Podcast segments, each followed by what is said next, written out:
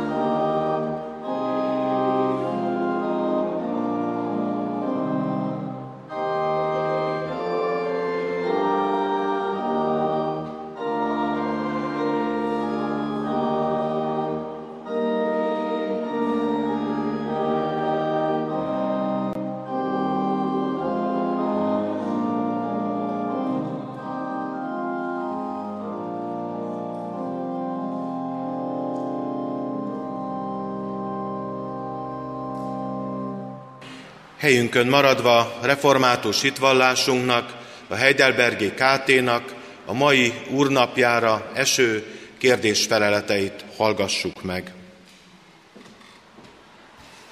Áldás békesség! Kedves testvérek, a 37. úrnapja kérdés, kérdéseit és feleleteit hallgassuk meg, amely így hangzik. 101. kérdés. Esküdhetünk-e Istenfélő módon is Isten nevére?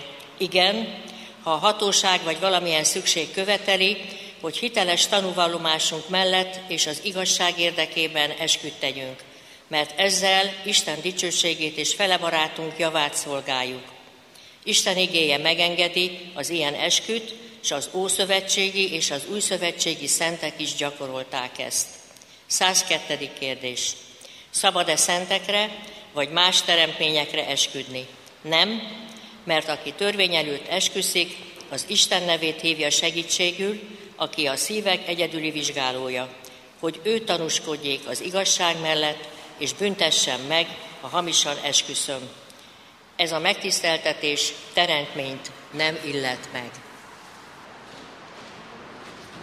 Ami segítségünk, Isten tiszteletünk megáldása és megszentelése jöjjön az Úrtól, aki Atya, Fiú, Szentlélek, teljes szent háromság, egy örök és igaz Isten. Amen. Keresztény testvéreim, hallgassátok meg Istennek igéjét. Amint megírva találjuk azt Pálapostolnak a Korintus beliekhez írott első levelében, az első részben, ez a mai szakasz 17 versből áll, helyünket elfoglalva figyelemmel hallgassuk végig. Pál Krisztus Jézusnak Isten akaratából elhívott apostola, és Szósztenész, a testvér, az Isten gyülekezetének, amely Korintusban van, a Krisztus Jézusban megszentelteknek, azoknak, akiket ő elhívott, és saját népévé tett, mindazokkal együtt, akik a mi Urunk Jézus Krisztus nevét, az ő Uruk, a mi Urunk nevét bárhol segítségül hívják. Kegyelem néktek és békesség Istentől, ami atyánktól, és az Úr Jézus Krisztustól.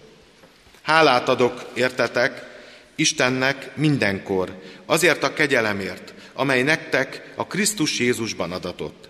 Mert a vele való közösségben mindenben meggazdagodtatok, minden beszédben és minden ismeretben, amint a Krisztusról való bizonyságtétel megerősödött bennetek.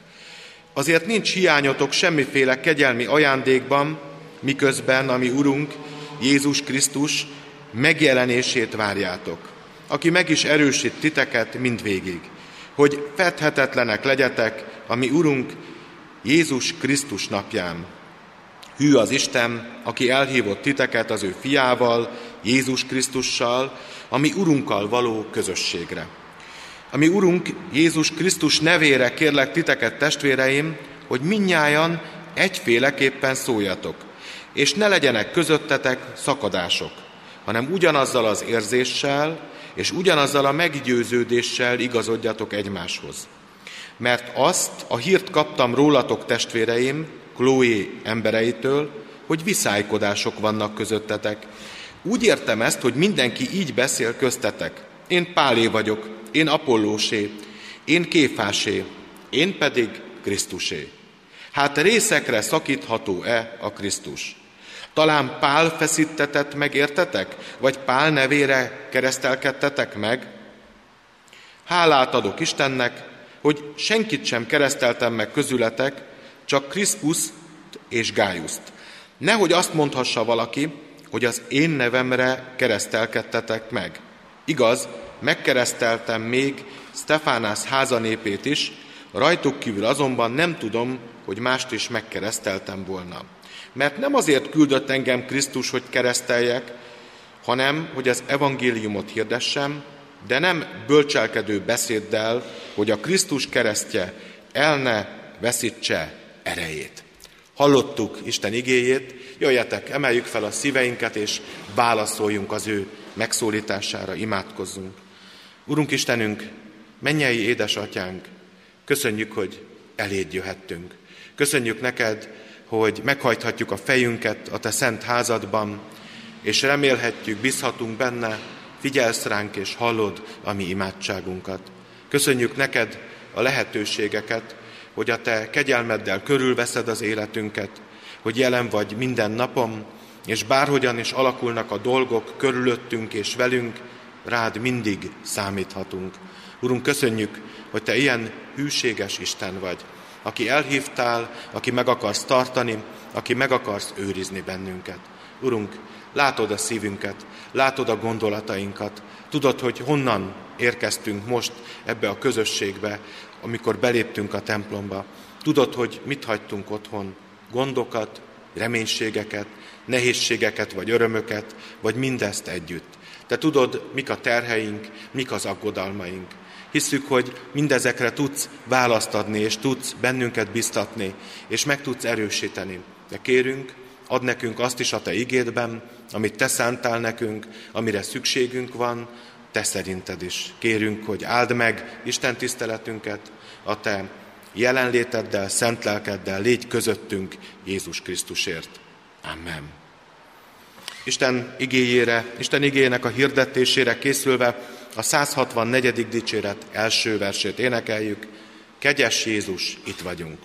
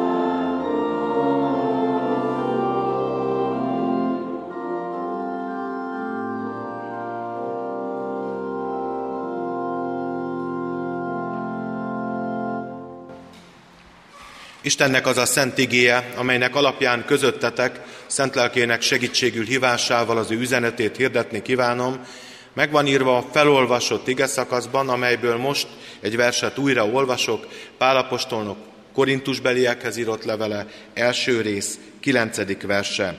Hű az Isten, aki elhívott titeket az ő fiával, Jézus Krisztussal, ami Urunkkal való közösségre.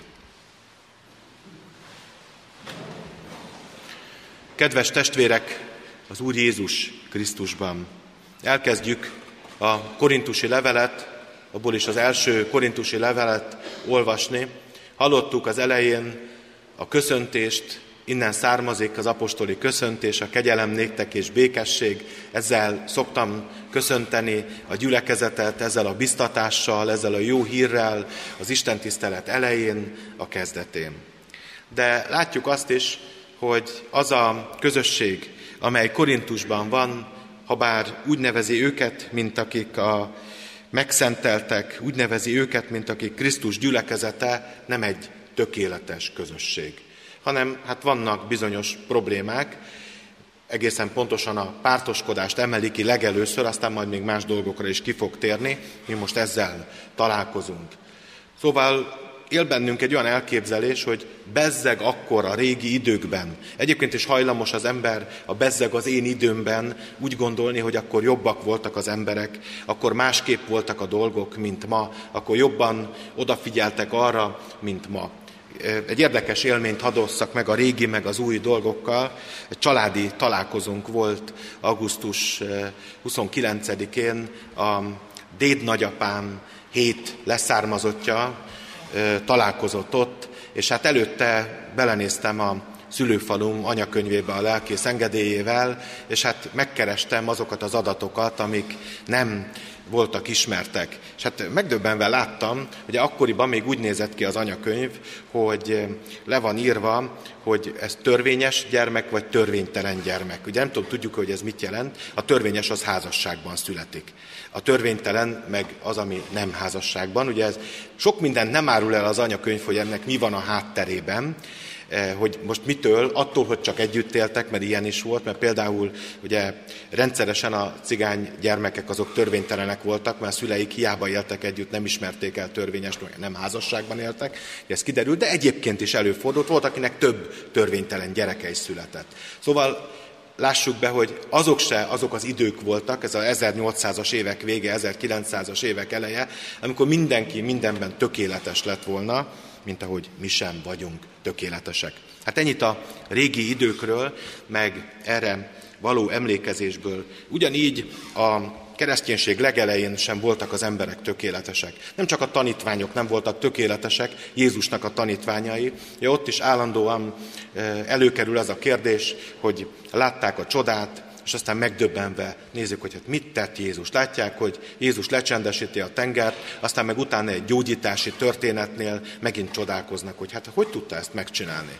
Szóval olyanok, akik nagyon is emberek, olyanok, akik nagyon is úgy élnek, és nagyon is olyan módon emberként élik meg a hitüket is, vagy ott van, ami nagyon jó példa, hogy sok református templomnak a tornyán ott van a kakas. Ugye a kakas Péter tagadására emlékeztet bennünket, arra, hogy ilyen esendők vagyunk, hogy ott van a szívünkben a vágyakozás, hogy Isten gyermekei legyünk, de mégis el lehet bukni, de a kakas nem csak az elbukásra emlékeztet, mert a kakas történetnek Jézus a Péter a főpap udvarában háromszor tagadja meg, van egy Másik története egy párja, ahol Jézus háromszor kérdezi meg Pétertől, hogy szeretsz engem, és ebben a történetben kiderül, hogy Jézus meg tud bocsátani, meg is akar bocsátani Péternek, sőt, ez elbukó Péterre bízza rá az egyházat, bízza rá a, a jeruzsálemi gyülekezetet.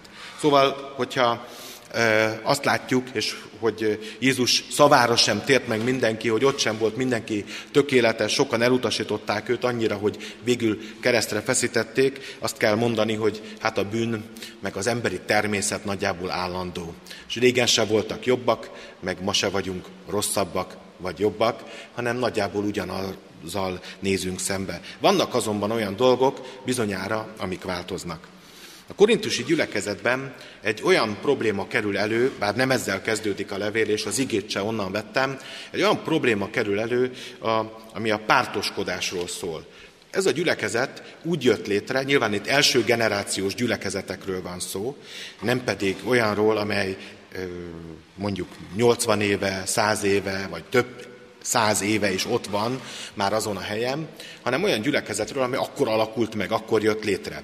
És több misszionárius hullámban érkeznek az emberek, akik itt fel is vannak sorolva, hogy valaki az Apollósé, valaki a Pálé, ezé, azé, attól függ, hogy ki volt az a prédikátor, aki, aki az Isten igéjét vitte, és megkeresztelke, és megtértek. Ugye én is hallottam ilyeneket, hogy valamikor voltak ilyen furcsa elgondolások, hogy nem lehet akár még gyülekezetben megtérni, mert az igazi, hogyha abban a gyülekezetben tér meg az ember, a többi az nem olyan igazi. Tehát ugye ezek ma is megjelennek, ezek a furcsa elképzelések, amik itt vannak a Bibliában. Hová tartozok? Inkább azt mondanám, hogy kicsit a mai irányzatokhoz hasonlít. Ma is vannak teológiai úgynevezett kegyességi irányzatok, és ők azt gondolják magukról esetleg, hogy ők különbek a többieknél, mert ők azok, akik jobban hisznek akár egy gyülekezeten belül is. Egy történet jut eszembe, de előtte elmondom, hogy miért lehetett így a korintusi gyülekezet. Azért is, mert ez a korintus egy kikötőváros volt. Egy kikötőváros, ugye ma már létezik a korintusi csatorna, az egy nagy dolog volt, nemrég olvastam, hogy egy magyar ember tervezte egészen megdöbbentő módon, ami abban az időben különösen is e, hiányzott, hiszen meg kellett kerülni egész Görögországot ahhoz, hogy valaki a tenger, egyik tengerről a másikra érkezzen, És ezt lehetett kivédeni azzal, hogy megáltott a hajó, kirakták a dolgokat, egy rövid földnyelven átvitték, és a másik oldalon pedig a másik hajóra feltették, de ez a kikötő város felvirágzott. Nyilván ebből sokan megéltek. Igen ám, nem, Magyarországon aránylag kevés, talán nincs is kikötő város, ma már nincsen elég régen kikötőnk, de a kikötők azok többnyire olyanok, amik sokféle emberek vannak. Jártunk előző évben Fiuméban, és ott is láttuk, hogy sokféle ember élt ott. Görögök, vagy a görögök ott speciál nem, de horvátok, magyarok, osztrákok, olaszok, szlovének, tehát több fajta ember élt ott, részben azért, mert az a környék az ilyen is volt, részben azért, mert oda vonzotta azokat, akik dolgozni akartak, akik kereskedni akartak, a hajósokat, és hát az az igazság, hogy a kikötő városok jellemzően hát nem az erkölcsi magasságokról híresek. Ugye valahonnan jönnek a tengerészek, igazából akkor vannak ott, hogy mit történik ott, azt otthon nem biztos, hogy tudják. Szóval hát el tudjuk képzelni meg, ez egy ilyen város volt. Kicsit olyan szedetvetett volt a, a népessége, ezt úgy értem, hogy innen, onnan, amonnan kerültek oda az emberek, és talán jobban is érthető az, hogy, hogy nem volt egy egységes olyan kultúra, egy egységes olyan szokásrend, amiben mindenki bele léphetett volna. És talán innen is látható, hogy könnyebben alakult ki a gyülekezetben valami fajta különbözőség. Ki innen jött, ki onnan jött, ezt hozta, azt hozta.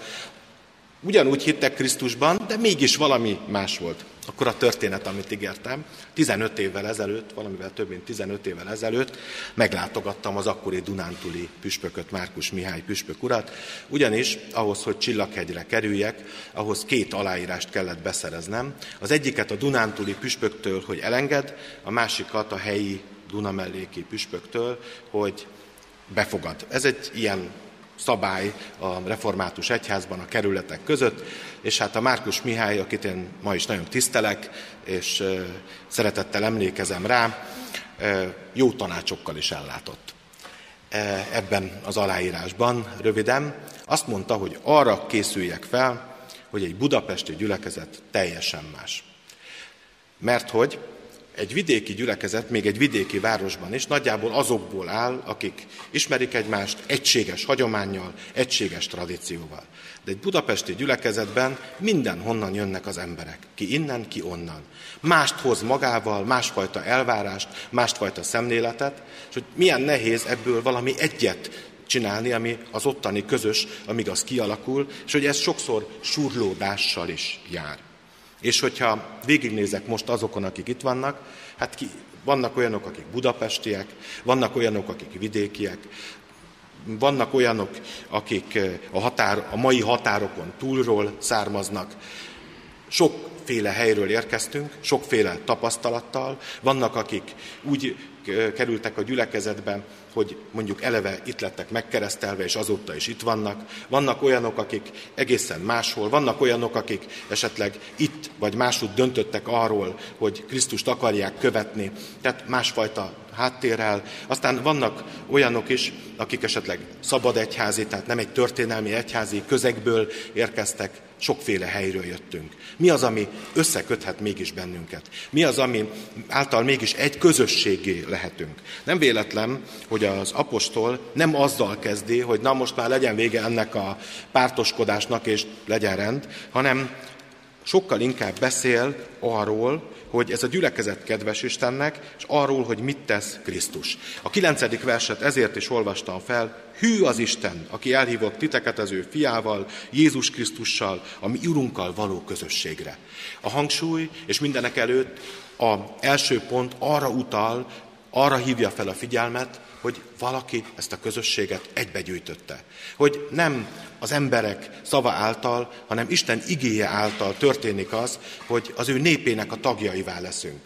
Persze fontosak az emberek, csak helyén kell kezelni az embereket. Fontosak a szolgák, fontosak azok, akik bizonyságot tesznek. Itt nem csak a lelkészekre gondolok, hiszen mindannyiunknak az életében ott vannak azok az emberek, akik bizonyságot tettek az Úrról, akik tudtak az ő szavukkal, a kitartásukkal, a hűségükkel, vagy azzal éppen, hogyha elestek, akkor Istentől tudtak bocsánatot elfogadni és megállni előtte. Ott vannak ezek az emberek, de Isten lelke munkálkodik a mi szívünkben. Ő az, aki, aki hűségesen és szeretettel hív és megtart bennünket. Ő az, akiben egyek lehetünk.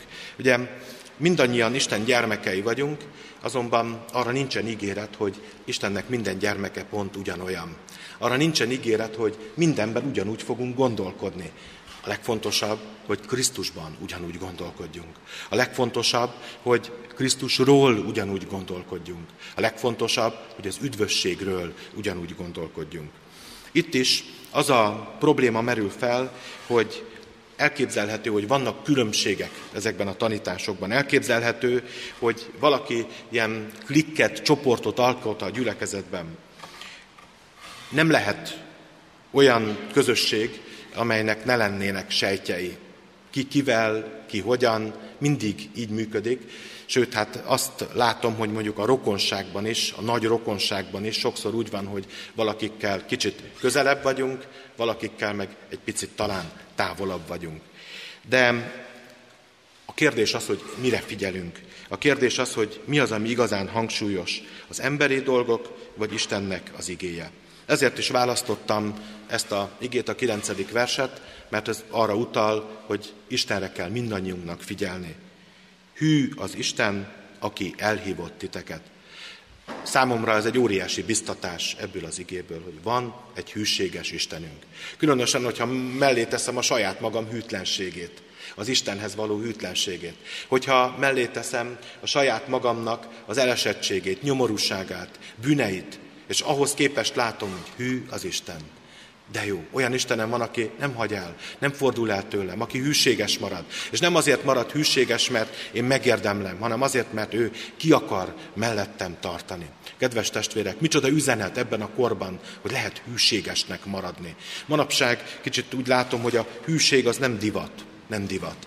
Nyilván változik a hűségnek az ideje, nem divat hűnek lenni ide vagy oda. A hűség akkor divat, ha kifizetődő gyakran, nem divat a hűség. Isten nem divatból teszi ezt. Isten hűséges hozzánk, és példát is mutat. Hűséges hozzánk, amikor megszólít. Hűséges hozzánk, amikor ugyanazt mondja el, amit elmondott az őseinknek, és elmondott Jézus Krisztus által az akkori gyülekezetnek. Hűséges, aki kitart mellettünk. Olyan hűséges, hogy akkor is kitart mellettünk, amikor lehet, hogy már magunk sem tartanánk ki saját magunk mellett. Olyan hűséges, aki a bűneink ellenére is mellettünk áll, aki nem hagy el bennünket. Ez a hűség egyébként megjelenik az Ószövetségben is. Az Ószövetség úgy írja le az Isten és a népnek, az Izrael népének a kapcsolatát, mint egy házasság. Úgy írja le, amelyben az egyik fél Isten hűséges, és kitart a másik mellett, de Izrael paráználkodik a bálványokkal. Vagyis Izrael bálvány isteneket követ, és az ő olyan dolgokat tesz, amit Isten nem tart helyesnek.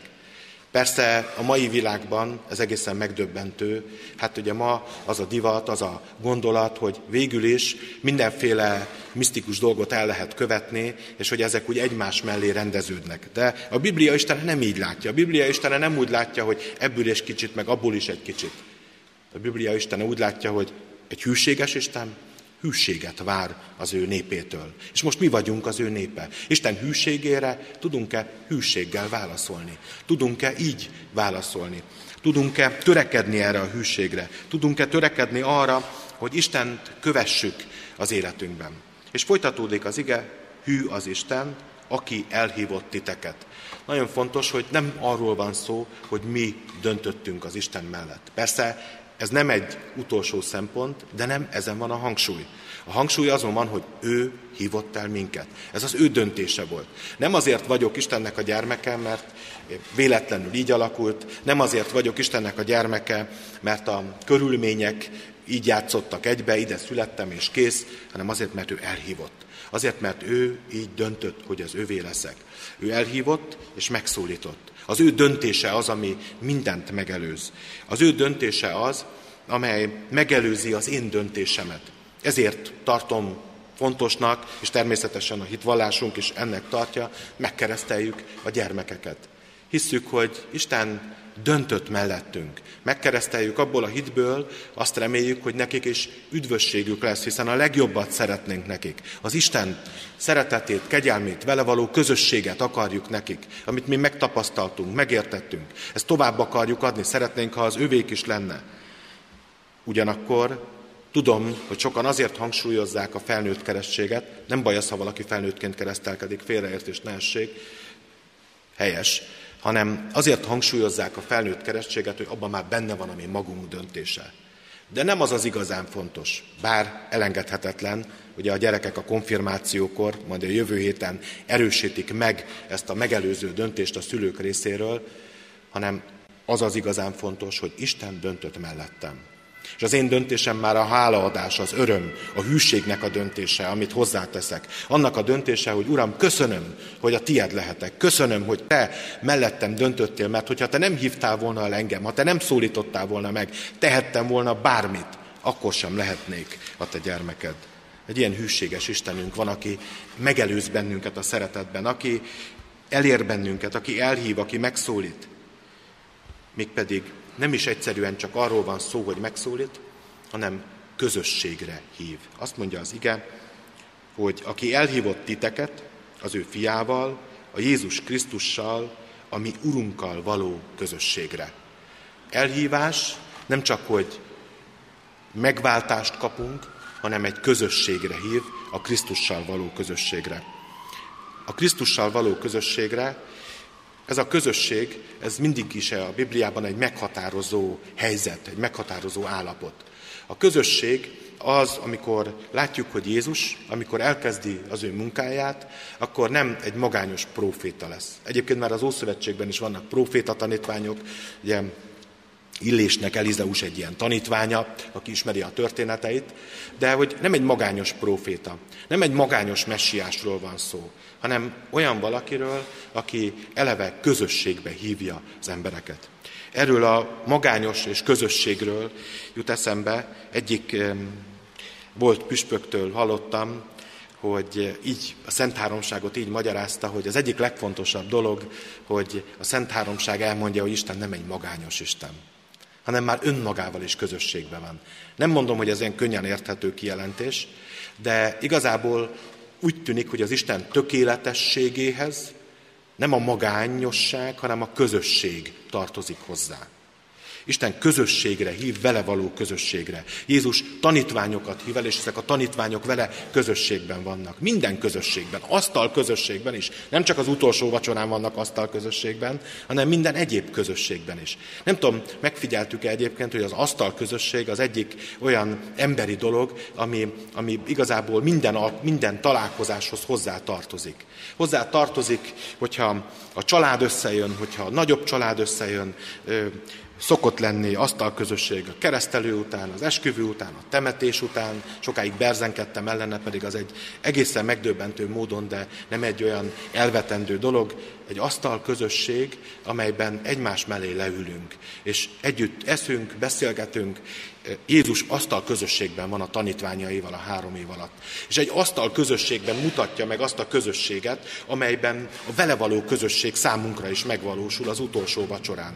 Egy közösségben, ahol együtt vannak, a páska vacsorán megtöri a kenyeret, mutatja a bort és megáldja ezeket, egy, egy ilyen közösségben mutatja meg, hogy mi ugyanígy vagyunk vele közösségben, akik oda járulunk az urasztalához. Ugyanígy vagyunk vele is közösségben erre hív el bennünket, hűségesen hívogat, hűségesen kitart mellettünk, nem hagy el bennünket, a Szentlélek pedig megerősít minket, hogy akkor is, hogyha nem vagyunk méltók erre az elhívásra, hogyha nem vagyunk méltók erre a Krisztusi áldozatra, nem csak úgy, hogy eddig nem voltunk méltók, mert az egy dolog, mert akkor azt mondom, hogy mostantól Krisztusé vagyok, hanem ha most Miután már azt mondtam, hogy az övé vagyok, de utólag is előfordult, hogy méltatlannak bizonyultam. Nem tudom, valakivel előfordult-e már, hogy olyat tett, úgy élt, vagy úgy tekintett vissza egy napjára, hogy azt mondta, hogy hát lehet, hogy nem dicsérne meg, érte az Isten, ahogyan ez lezajlott, lehet, hogy nem áll meg az ő mércéjén ez a dolog, szóval akkor is az övéi vagyunk, és akkor is hűséges, és akkor is kitart mellettünk, és a Szentlélek erősít meg bennünket abban, hogy nem vagyunk elveszettek és nem hagyja a Szentlélek, hogy a bűn miatt, azt gondoljuk, hogy valaki elválaszthat tőlünk, bennünket az Istentől. Ugye a kísértő azon munkálkodik, hogy el fogja hitetni, hogy te nem vagy elég jó ahhoz. Hiszen hát nézd meg, megkaptad Krisztustól azt, amit a legtöbb a világon. Megkaptad, hogy örök életed van, megkaptad, hogy üdvösséged van, bűnbocsánatot kaptál. És nézd meg már az életedet. Szerinted így kéne? Na látod, véged van. Nem, a Szentlélek azt mondja, nem. Isten szeretete nagyobb a mi bűneinknél. A Szentlélek azt mondja, hogy meg lehet változtatni, lehet újrakezdeni, lehet kitartani. Ő mellénk áll, és mellénk, mellettünk akar maradni. A közösség egyik oldala. Igazából ezzel a közösséggel kezdi Pál, hogy milyen közösségem van az Istennel. Isten milyen közösséget alakított ki velem. És aztán utána rátér a másik közösségre, hiszen Jézussal ott vannak a tanítványok, egymással is közösségben vannak mégpedig nagyon sokféle helyről érkezett emberek, ezek a tanítványok. Úgy, ahogy mi is nagyon sokféle helyről érkezett emberek vagyunk. Tudom, hogy minden, ugye a legtöbben saját otthonban laknak, és nem más gyülekezeti tagokkal együtt, ha csak nem családtagok, de nem erre gondolok. Hanem arra gondolok, hogy más élettörténetünk van, más helyzeteink vannak. Isten úgy tudott megszólítani bennünket, hogy a magunk állapotában, amiben voltunk, és úgy tud ma is szólni hozzánk, és úgy tud elhívni. Milyen legyen ez az egymással való közösség. Mindenek előtt olyan, amely a személyes Krisztussal való közösségünkre épül. Arra a közösségre kell épüljön, amiben mi magunk Krisztussal közösségben vagyunk. Fontos, hogy ez a kettő összefügg, hogy Jézus nem választja külön, nem mondja azt, hogy legyenek egyéni hívők, hanem ő egy közösséget hív el. Mondjuk ki, Istennek van egy népe, és a nép tagjai között személyes kapcsolat van Istennel mindenkinek, de mégis ez egy közösség. És ennek a közösségnek, a korintusi gyülekezet közösségének is vannak gondjai, vannak nehézségei. Vannak nehezebb időszakok, és vannak könnyebb időszakok a gyülekezetnek az életében. Itt a pártoskodás jelenik meg, az, amikor nem tudnak úgy közösségben lenni, vagy ez a fajta pártoskodás, ez megakadályozza a másik közösséget is. Hogyha valahogy összefügg ez a kettő, mert hogyha a gyülekezetben vannak ilyen pártoskodások, valaki különnek gondolja magát, esetleg mindenki különnek gondolja magát, vagy minden csoport, akkor az oda vezet el, hogy sérül a Krisztussal való közösségünk is. Ez a kettő összefügg. De nekünk mindig a Krisztussal való közösségre kell visszamennünk. A Krisztussal való közösségre, és ebből kell erőt nyernünk. Erőt nyerni ott, ahol vagyunk, sok helyen, otthonunkban, munkahelyen, szomszédok között, barátok között, erőt nyerni ahhoz, hogy Krisztust képviselni tudjuk. Hogy róla szóljon az életünk. Nem arról beszélek, hogy szentek vagyunk, és azt észreveszik, egyébként azt úgyse vennék észre, megnyugtatok mindenkit. Tehát ha valaki tökéletes életet élne, az senkinek nem tűnne fel, ugye csak az fog feltűnni, ha valamit elrontunk. Ez egy ilyen világ, ilyen az ember, ezt vesszük észre. Hogyha a templom gyönyörűen rendben van, az nem nagyon tűnik fel. Hogyha nincs rendben, akkor az feltűnik. Észrevesszük. Szóval Isten arra hív, hogy az ő népe tagjaiként legyünk, hozzá is kapcsolódva. Van egy hűséges Isten, személyes Isten hitünkkel építsük a közösséget. Építsük úgy, hogy imádkozunk érte, építsük úgy, hogy tudunk szolgálni benne, építsük úgy, hogy a másik emberért is tudunk imádkozni. És ennek a, vagy annak a közösségnek, amiben vagyunk, a missziójáért, lehetőségeiért és bizonyságtételéért. Azt mondja Pál, hogy nem szakítható részekre a Krisztus. Hogy csak egyetlen Krisztus van, és neki csak egyetlen népe van. Elmondja azt is, hogy itt a keresztelkedés kapcsán alakulnak ki különbözőségek, ugye ki, kit, kit, kit ki keresztelt meg. Egyik prédikátor, másik prédikátor. És akkor ők hozzá tartozóbbnak gondolják magukat. Nem a kereszteléssel van a baj, hogy a keresztelés maga az a belépés az egyházba, különösen a felnőtt keresztelés, amivel a gyermekkeresztelés pedig kiegészülve a konfirmációval, amivel valaki a gyülekezet, az egyháznak a tagja lesz. Mégpedig teljes jogú tagja. Ugye a teljes jogú tagság nálunk az 18 éves kortól egészül ki választó joggal, de a tagság az azt jelenti, hogy urvacsorával élő, hitét megvalló, szolgálatot vállaló tagja lesz a közösségnek. Olyan, aki ugyanúgy megérti, ugyanúgy elfogadja személyes hittel a Krisztus áldozatát, mint a többiek. Ebben a közös hitben vannak együtt. És itt eh, a keresztelés csupán azt jelenti, mondjuk így, hogy ki kinek a szolgálatával tért meg, oda tartozónak érzi magát. Pálapostól van egy olyan csoport, amelyik Pálénak vallja magát, bár azt mondja, hogy ő keveset keresztelt, van, akik inkább hozzá tartozónak vallják magukat, de Pál felhívja a figyelmet, hogy mindenkinek Krisztusé kell lenni. Mindenkinek Isten gyermekévé kell lenni. És hogy ránézve kell ezt a közösséget megvalósítani. Kedves testvérek, a bűneset óta, ami ember-ember kapcsolatunkban is gondok vannak. Ez az igazság. A bűn miatt vannak ezek a problémák. Először az ember engedetlen lett az Istennek, az egyik bűneset, a következő történet egy testvérgyilkosság. De mindez megváltozhat, mindennek meg kell változnia Krisztusban. Isten előbb a vele való kapcsolatot rendezi, amikor elhív bennünket, amikor megigazít, amikor megvált, és elküld bennünket, hogy tegyünk meg mindent azért, hogy az embertársakkal való kapcsolatban a békesség fejedelmének küldöttei legyünk, annak a szerzői, a megbocsátásnak, a szeretetnek, az imádságnak a képviselői legyünk. Kedves testvérek, ez az, amit nekünk ebben a világban közvetíteni kell. Azt mondják, azt mondja az ige, hogy majd onnan ismernek meg bennünket, hogy egymást szeretjük. Vajon tudjuk-e szeretni egymást, és tudjuk-e szeretni azokat, akik ebben a világban vannak? Mert hogy valahol fel kell töltekezni erre a szeretetre. Jézus nem elítélte a világot, hanem megtérésre hívta. Szeretetét mutatta meg, Istennek a kegyelmét mindenki számára. De bárhogyan is van, ott van ez a biztatás mindannyiunknak, hogy nem a magunk erejével valósul meg ez, hanem az Isten kegyelméből.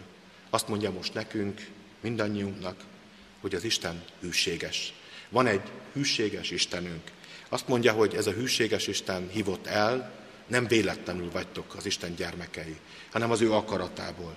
És azért hívott el, hogy vele legyetek közösségben, és az ő népének a tagjaiként éljétek meg, éljük meg a hitünket.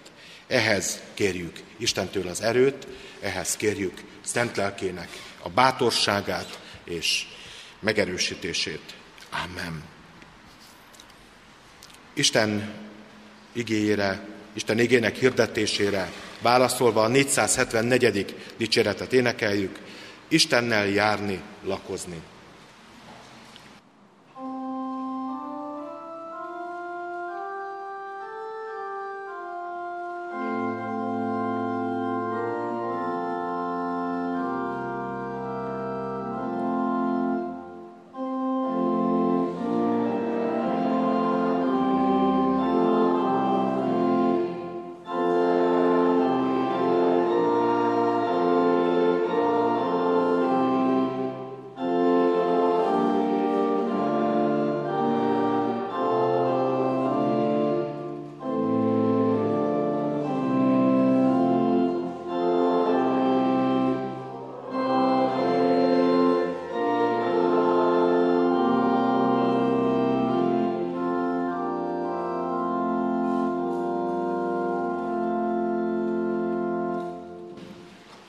Helyünkön maradva csendesedjünk el, és egyperces imádságban vigyük a hálaadásunkat, kérésünket az Úr elé, imádkozzunk.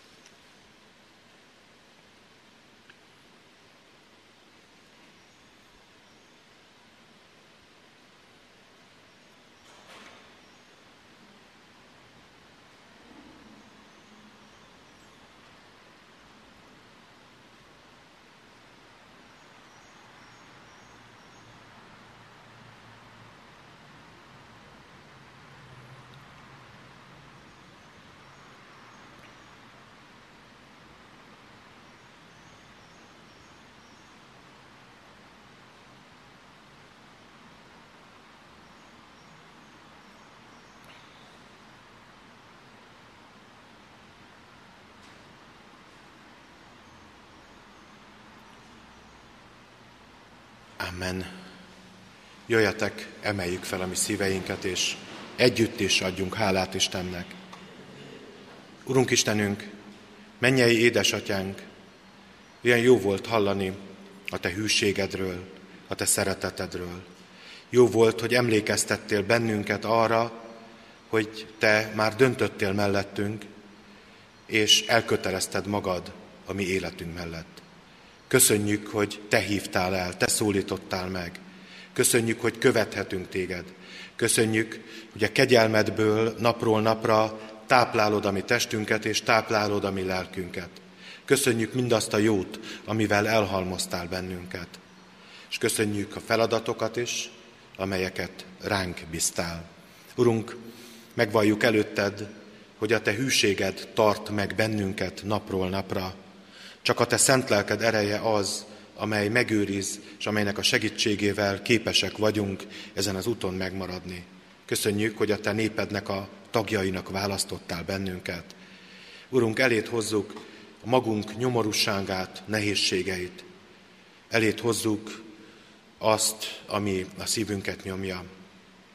Köszönjük, hogy megvigasztalsz bennünket a gyászban. Kérünk, hogy gyászolókat te vigasztalt, te erősítsed meg, és te hagy bátorítást nekik.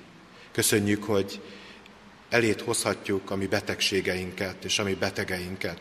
Urunk, te légy a mi gyógyítunk. Kérünk, hogy hallgassd meg az imádságunkat, amikor így imádkozunk önmagunkért és egymásért. És köszönjük, hogy elét hozhatjuk, Urunk Istenünk, emberi kapcsolataink nehézségeit, bűneit és problémáit. Köszönjük, hogy úgy jöttél el ebbe a világba, mint a békesség fejedelme, mint a békességnek a szerzője. Kérünk, békéltes meg önmagaddal leginkább, legelőször, hogy békességünk legyen veled, hogy ezt a békességet tovább tudjuk adni mindazoknak, akik körülöttünk vannak. Köszönjük, hogy elfogadod a bűnbocsánatot, elfogadod a kérést, amikor a bűneink bocsánatát kérjük tőled. Köszönjük, hogy így jöhetünk hozzád őszintén és tiszta szívvel. Urunk, köszönjük azt is neked, hálát adunk, hogy jövő vasárnap konfirmáció lehet a gyülekezetben. Kérünk téged, te készítsed a szívét a konfirmandusoknak, a szülőknek, az egész gyülekezetnek. Urunk, így imádkozunk a most elkezdődött közegyházi választásokért, kérünk légy segítségül, hogy a presbitériumok a tőlet kapott bölcsességgel tudják azokat a vezetőket megválasztani, akik majd a te akaratod szerint vezetik a nagyobb közösséget, a Magyarországi Református Egyházat. Ismered szívünk kéréseit, helyzeteit, Urunk, te legyél az, aki biztatsz, megerősítesz, elkísérsz bennünket minden időben. Így kérünk, hogy hadd legyen áldott a mi kimenésünk, hadd legyen áldott a mi hazatérésünk, áldásod, szeretetet, kegyelmet kísérjen bennünket most és minden napon. Jézus Krisztusért kérünk, Urunk Istenünk, hogy áld meg bölcsességeddel vezetőinket, városunk, országunk, népünk előjáróit. Hallgassd meg a könyörgésünket. Amen. Együtt mondjuk el az Úr Jézustól tanult imádságot. Mi atyánk, aki a mennyekben vagy, szenteltessék meg a te neved, jöjjön el a te országod, legyen meg a te akaratod, amint a mennyben, úgy a földön is. Mindennapi kenyerünket add meg nékünk ma, és bocsásd meg védkeinket, miképpen mi is megbocsátunk az ellenünk védkezőknek.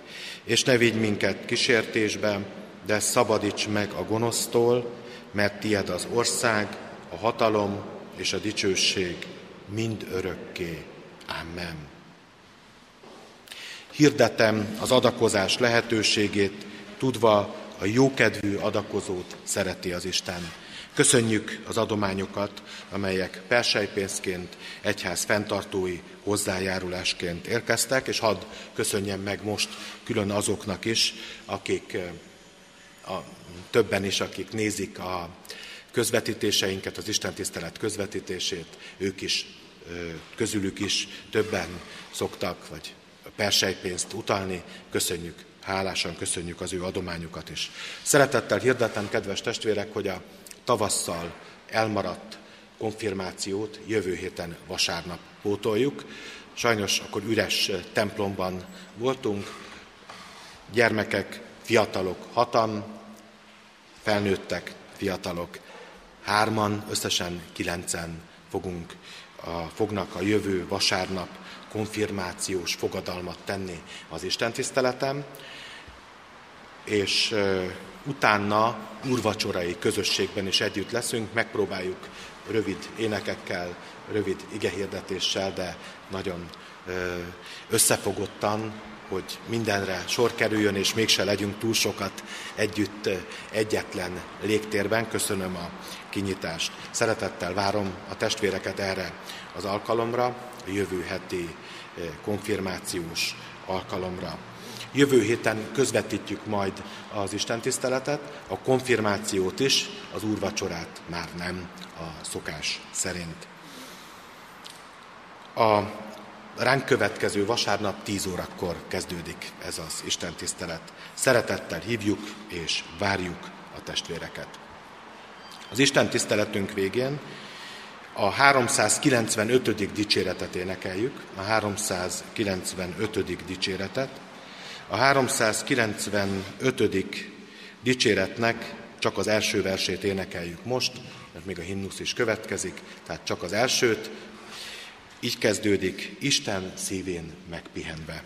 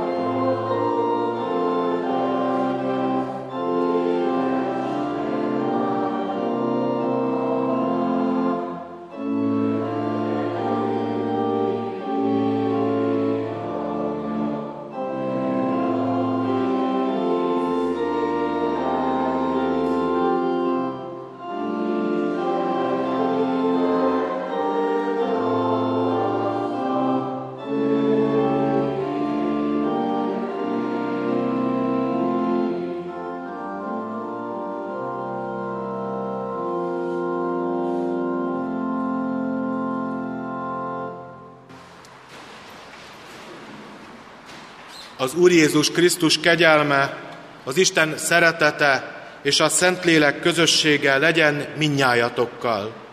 Amen.